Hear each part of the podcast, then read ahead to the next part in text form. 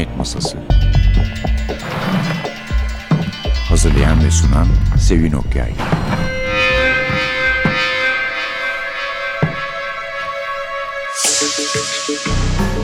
Merhaba, NTV Radyo'nun Cinayet Masası programına hoş geldiniz. Önce bir sevincimizi sizinle paylaşalım. Çünkü siz olmasanız bu program da bu kadar yaşamaz zaten. Cinayet Masası Türkiye Gazeteciler Cemiyeti'nin radyo haber program başarı ödülünü kazandı. Bunun hepimize ait bir ödül olduğunu düşünüyorum. Çok teşekkür ederiz bizi terk etmediğiniz, hep birlikte olduğumuz için. Ama ne yazık ki bugün bizi terk eden birinden söz etmek durumundayız. Kaybettiğim sanatçılar haftası gibi oldu bir parça ama Philip Kerr'den söz ediyorum. Philip Kerr'in kitaplarının hemen hemen bütün kitapları sanıyorum. Yani bütün kitapları derken ben Günter dizisinden söz ediyorum. Alfa'dan çıkmıştı. Hatta futbol dünyasında geçen ikinci dizisi henüz üç kitabı olan Scott Manson dizisi de gene Alfa'dan çıktı. İki kitabının çıktığını ben hatırlıyorum. Üçüncü bilmiyorum. Herhalde çıkabilir bundan sonra o da. 62 yaşında bu dünyaya veda etti. Philip Kerr.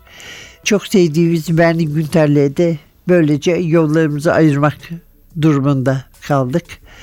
Philip Kerr gerçekten belli bir dönemi kronik bir sıra izlemese bile son derece yakından anlatan, orada sanki yaşamışız. O dönemin herhangi bir tarafında ister ezilenlerin tarafında ister ezenlerin tarafında olalım yer almışız gibi bizde bir aşinalık duygusu uyandırmayı başaran bir yazardı ve Nazi dönemini anlatıyordu Berlin'de. Fakat Berlin sadece bir mekan değildir. Berlin bir karakterdir. Yani bu kitapların karakterlerinden bir tanesidir. Ve Kere göre emsalsiz bir şehirdir. Kitaplar için çok iyi bir mekandır, bir arka plandır.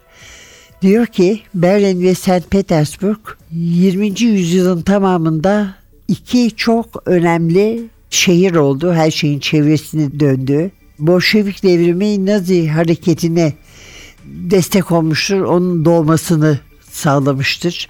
Bu dönemde reformdan bu yana tarihteki en önemli olayları gördüğümüz, yaşadığımız bir dönemdir. Sonra Soğuk Savaş geldi tabii. Yeniden Berlin'i her şeyin merkezine yerleştirdi. Ve her yönden siyasi, ahlaki, felsefi Berlin beni büyülüyor. Bugün size iki ayrı kitabından birer bölüm sunacağız. Birincisi Günter dizisinden Ölümcül Pırak. Şimdi ise arkadaşımız Suat Çalkevik her zaman olduğu gibi bize kitaptan bir bölüm okuyacak.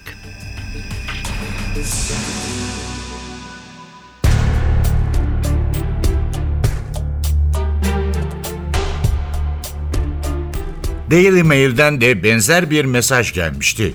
Dakikada bir bana gelen mesajlara bakmış olsaydım, anlaşılan ben de benzer sorularla karşılaşacaktım. Yorum yapmak ister miyim? Morris gergin bir şekilde güldü. Hayır istemem, hem de hiç. Daha doğrusu Viktor Sokolnikov hakkında hiçbir konuda konuşmak istemem. Özellikle de panoramada söylenenler yüzünden BBC'ye dava açtığı bir sırada. Bu doğru değil mi? Bana öyle söyledi. Ağzıma birkaç sakız atıp takım otobüslerinde çok revaçta olan Sir Alex Ferguson taklidimi yapmaya hazırlanıyormuş gibi hışımla çiğnemeye başladım. Bana kalırsa bunu derhal Victor'a bildirmemiz lazım dedi Morris. Böylece uygun olduğunu düşündüğü şekilde karşılık verebilir. Sen onu benden daha iyi tanıyorsun Scott. O yüzden burada olanları sen ya da Zarko'nun ona söylemesini tercih ederim. Bu durum benim maaş çekimi epey aşıyor. Evet haklısın. Dönüp dedektif Neville'e baktım. Buraya gelip adamlarıyla birlikte çimleri çiğnemelerine kim izin verdi? Ne yazık ki buna izin veren benim dedi Colin. Kusura bakma Scott. Çukuru görünce sinirlerim çok bozuldu. Burada işlenmiş bir suç olduğundan onlara haber vermem gerektiğini düşündüm. Yani bunu yapan adileri yakalamak istiyoruz değil mi? Sakın önce bana Zarko'ya ya da Phil Hobday'e sormadan bu kulübü bu tür şeylere bulaştırmaya kalkma. Anladın mı Colin? Bu tür işlere bir kez bulaşmak, Fleet Street'e e-posta göndermekten farksız. Sun ya da Daily Mail'e haber veren kesinlikle bir polis. Hey duydunuz mu? Birisi gidip Silvertown stadının ortasına bir çukur kazmış. Bu 200 sterlinlik bir tüyodur. Eğer ilk sayfaya basılacaksa daha fazla da olabilir. Eğer o herifler kameralarıyla buraya doluşmamış olsaydı bu şeyi bir mezar yerine sıradan bir çukur olarak görebilirdik. Şu lanet polis işbirliğine yanaşırsa bunu hala daha yapabiliriz. Evet şimdi anladım. Neyse artık yapacak bir şey yok. Hepimiz bu konuda aynı şeyi söyleyeceğiz. Kafası bozuk bazı taraftarların muhtemelen de çocukların marifeti olduğunu iddia edeceğiz. Sicilya mesajı imasını hiçbir şekilde ciddiye almayacağız. Bay Sokolnikov'un şu anda en son ihtiyacı olan kim ve ne olduğuna dair yeni uçuk söylentiler. Bu haltı yiyenler büyük olasılıkla Sicilya kelimesini heceleyemez bile. Anlaşıldı mı? Morris ve Colin başını salladı. Dahası Colin, senin derhal bu sahayı eski haline getirmeni istiyorum. 10 gün sonra Newcastle'la burada maçımız var. İnan bana hiç aklımdan çıkmıyor. Tamam o zaman. Şimdi de şu polisle konuşalım.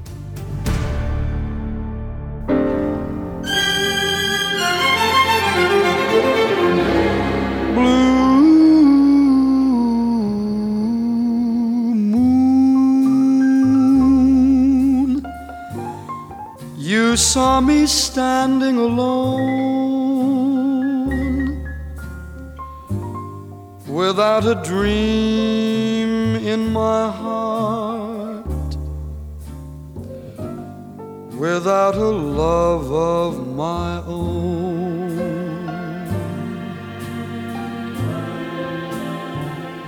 Blue moon, you knew just what I was there for. You heard me saying a prayer for someone I really could care for. And then there suddenly appeared before me the only one my arms could ever hold. I heard somebody whisper, Please adore me. And when I looked, the moon had turned to gold.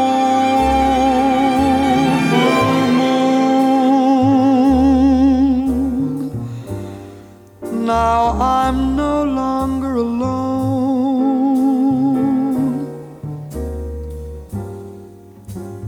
Without a dream in my heart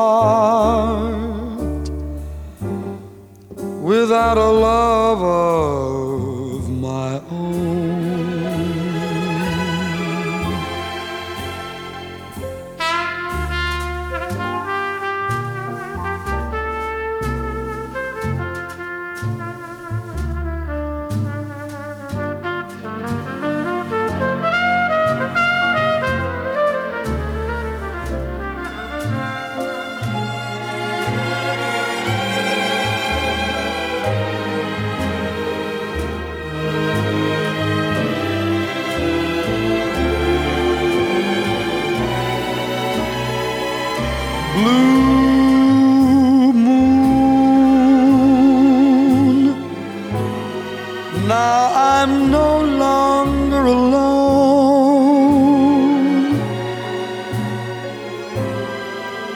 Without a dream in my heart.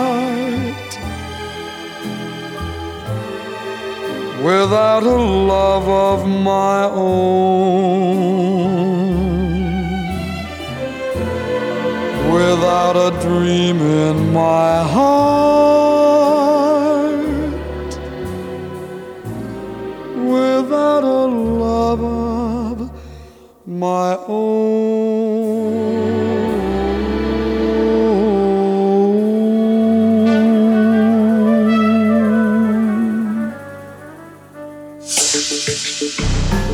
Philip Kerr'le birlikteyiz. Ölümcül Pırak benim en sevdiğim kitaplarından biri ki çok sevdiğim de bir yazardır. Ve Bernie Günter de her ne kadar Ruslarla Almanlar arasında, Naziler arasında bir ayrım yapmasa da ki tabii yaşamadığımızı göre o dönemde bunu söylemek de bize düşmez sonuçta yani böyle olup olmadığını Berlin'de yaşayan birisi açısından. Çünkü Berlin Günter'in en büyük özelliği çok iyi bir polis olması ve polis teşkilatında hep kalması ama buna rağmen asla partiye girmemesi bunun doğurduğu güçlüklere boyun eğmesi ve Weimar Cumhuriyeti'ne bağlılığını hep sürdürmesi.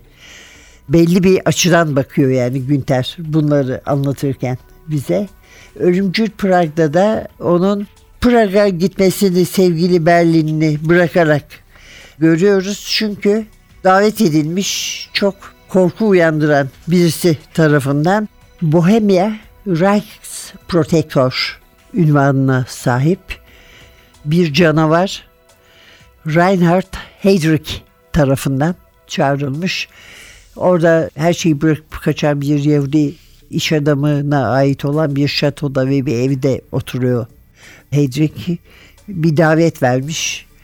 Mükellef bir davet. O sırada yani Berlin'de ekmek bile bulunmadığını göz önüne alırsak buradaki lüks göz kamaştırıyor diyebiliriz. Ama bu tabii en üst kademe Nazi, Gestapo, SS'lere ancak ait olan onların hakkı görülen bir lüks. Hendrik gayet iyi tanıyor Günter'i. Onun partiye karşı tavrını, bakışını biliyor. Fakat aynı zamanda çok iyi polis belki de en iyi polis olduğunu da biliyor. Ve kendisine bir suikast düzenlendiğini söyleyerek zehirlemeye çalışmışlar. Kazara köpek zehirlenmiş onun yerine. Ve bu davet sırasında da tekrarlanacağından bu teşebbüsün korkuyor. Onun için Berli Günter'i yanına çağırıyor.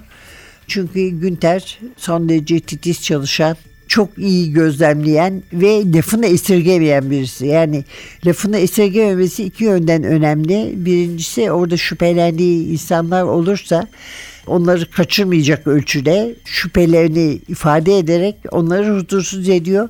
İkincisi Hedri'ye başka kimsenin söylemeye cesaret edemeyeceği şeyleri söyleyebiliyor. Onu tehlikeler konusunda rahatlıkla uyarabiliyor.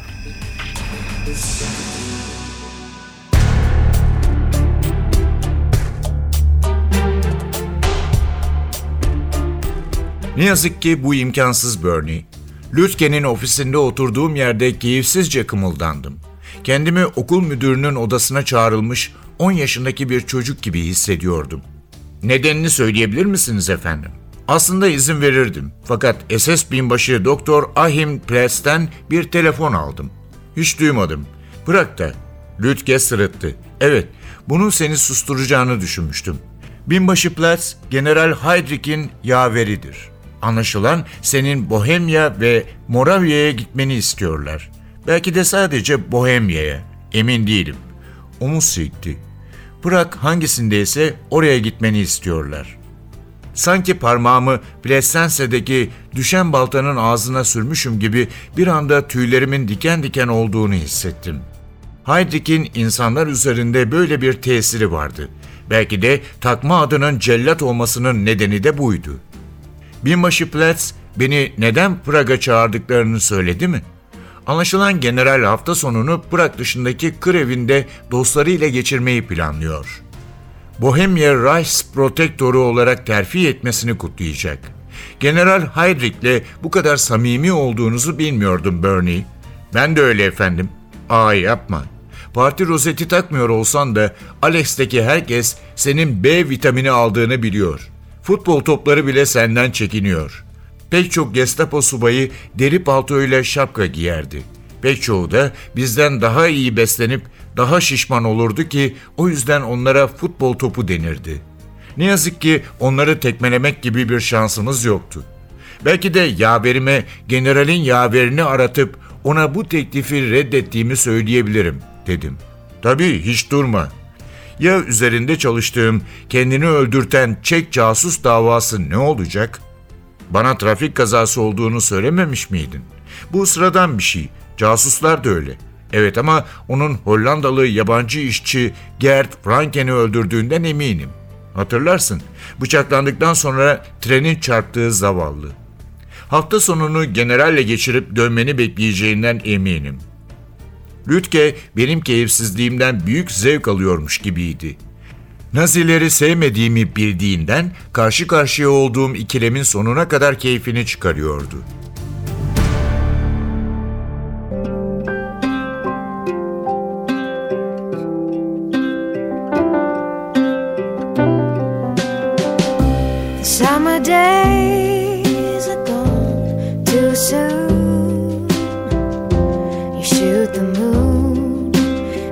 Just complete. please.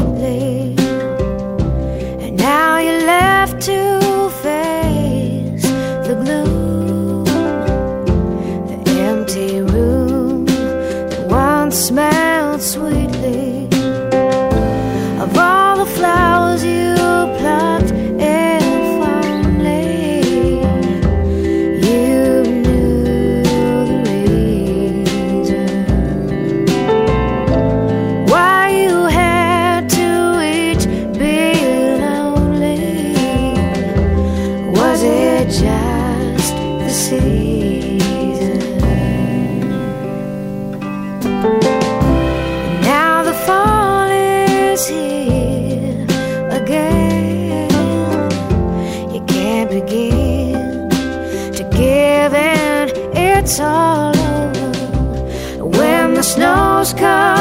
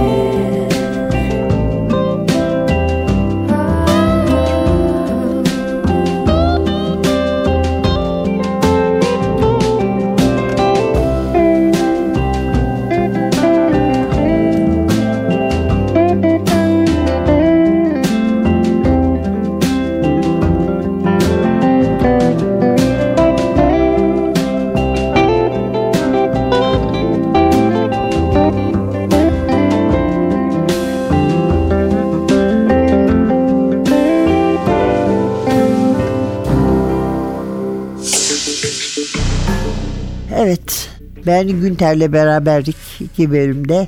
Söylediğimiz gibi lafını esirgemeye şüpheci ama mizah duygusu da var ve neyin doğru neyin yanlış olduğu konusunda şaşmaz bir yargısı var. Her şeyden önce gerçek bir Berlinli hayat tecrübelerinin bir sonucu belki de bu. Büyük savaşta, ilk savaşta Hitler gibi ikinci sınıf demir haç kazanan bir çavuşmuş. Ama onun dediğine göre zaten birinci sınıf nişan kazananların hepsi mezardaymış. Belki de onun için ve o günden Sonra Kripo'da bir cinayet dedektifi olarak Berlin'in cinayet masasında çalışmış. Fazla içiyor, fazla sigara içiyor. Birazcık fazla kilo almış. Karısını çok genç yaşta İspanyol Gürbi'nde kaybettiğinden beri yalnız kadınlara düşkün. Bu kitapta da onu güzel bir kadının peşinde görüyoruz. Gelelim Scott Manson'a. Scott Manson bir menajer ve gerçekten bu kitapta ne kadar iyi bildiğini futbol dünyasını görmek Philip Kerr'in çok şaşırtmıştı beni. Kahramanı şöyle tanıtıyor. İsmim Scott Manson ve London City takımının antrenörüyüm. Hep gençlerle çalıştığımdan onlara örnek olabilmek adına 22 Eylül'den yılbaşına kadar ağzıma içki sürmüyorum. Aptal bir futbolcu eşinin eğlenceyle Hello düğününde Yehova şahidi olmaktan pek farklı değil. Alkol yok, gece hayatı yok, sigara yok ve kötü beslenme yok. Ben ya da daha büyük ihtimalle kulübün iş bitiricisi Morris McShane bizim oyunculardan birinin direksiyonun başında elinde bir silk katla Noel arifesinde bir gece kulübünden çıkarken bir dergide görürse ortalık fena karışırdı demiş ve bir cinayetle karşılaşmış London City. Çok şaşırtıcı bir cinayetle takımın hocasının çok tepki toplayan bir insan aslında iyi bir hoca olmakla birlikte cesedi kendi stadyumlarında bulunuyor ve Scott da kendisinden istendiği gibi katili bir an önce ikinci defa bir cinayet işlemeden yakalamaya çalışıyor. Devre arası kitabın adı cinayetin esrarı ile birlikte futbol dünyasında dönenleri de görebileceksiniz rahatlıkla. Orijinal adı January Window. Benim bildiğim kadarıyla bütün Philip Kerr kitapları gibi Cem Demirkan tarafından Türkçe'ye çevrilmiş. Alfa'dan çıktığını söylemiştim. Bir bölümde oradan dinledik. Ne yazık ki genç yaşında daha çok güzel kitap verebilecekken gerçi ne kadar yazabilirim bilmiyorum Bernie Günther diyordu ama sevdiği bir kahramandı herhalde yalnız bırakmazdı. Hem Günther'i hem Scott Manson'ı öksüz bırakan Philip Kerr'le vedalaştık. Gene zaman zaman kendisini Günther ya da Manson kitaplarıyla anabiliriz. Efendim bu haftalıkta bu kadar. Önümüzdeki hafta başka bir yazarla, başka bir kitapla yine birlikte olmak umuduyla mikrofonda Sevin Masada Atilla hepinize heyecanlı bir hafta diler. Hoşçakalın.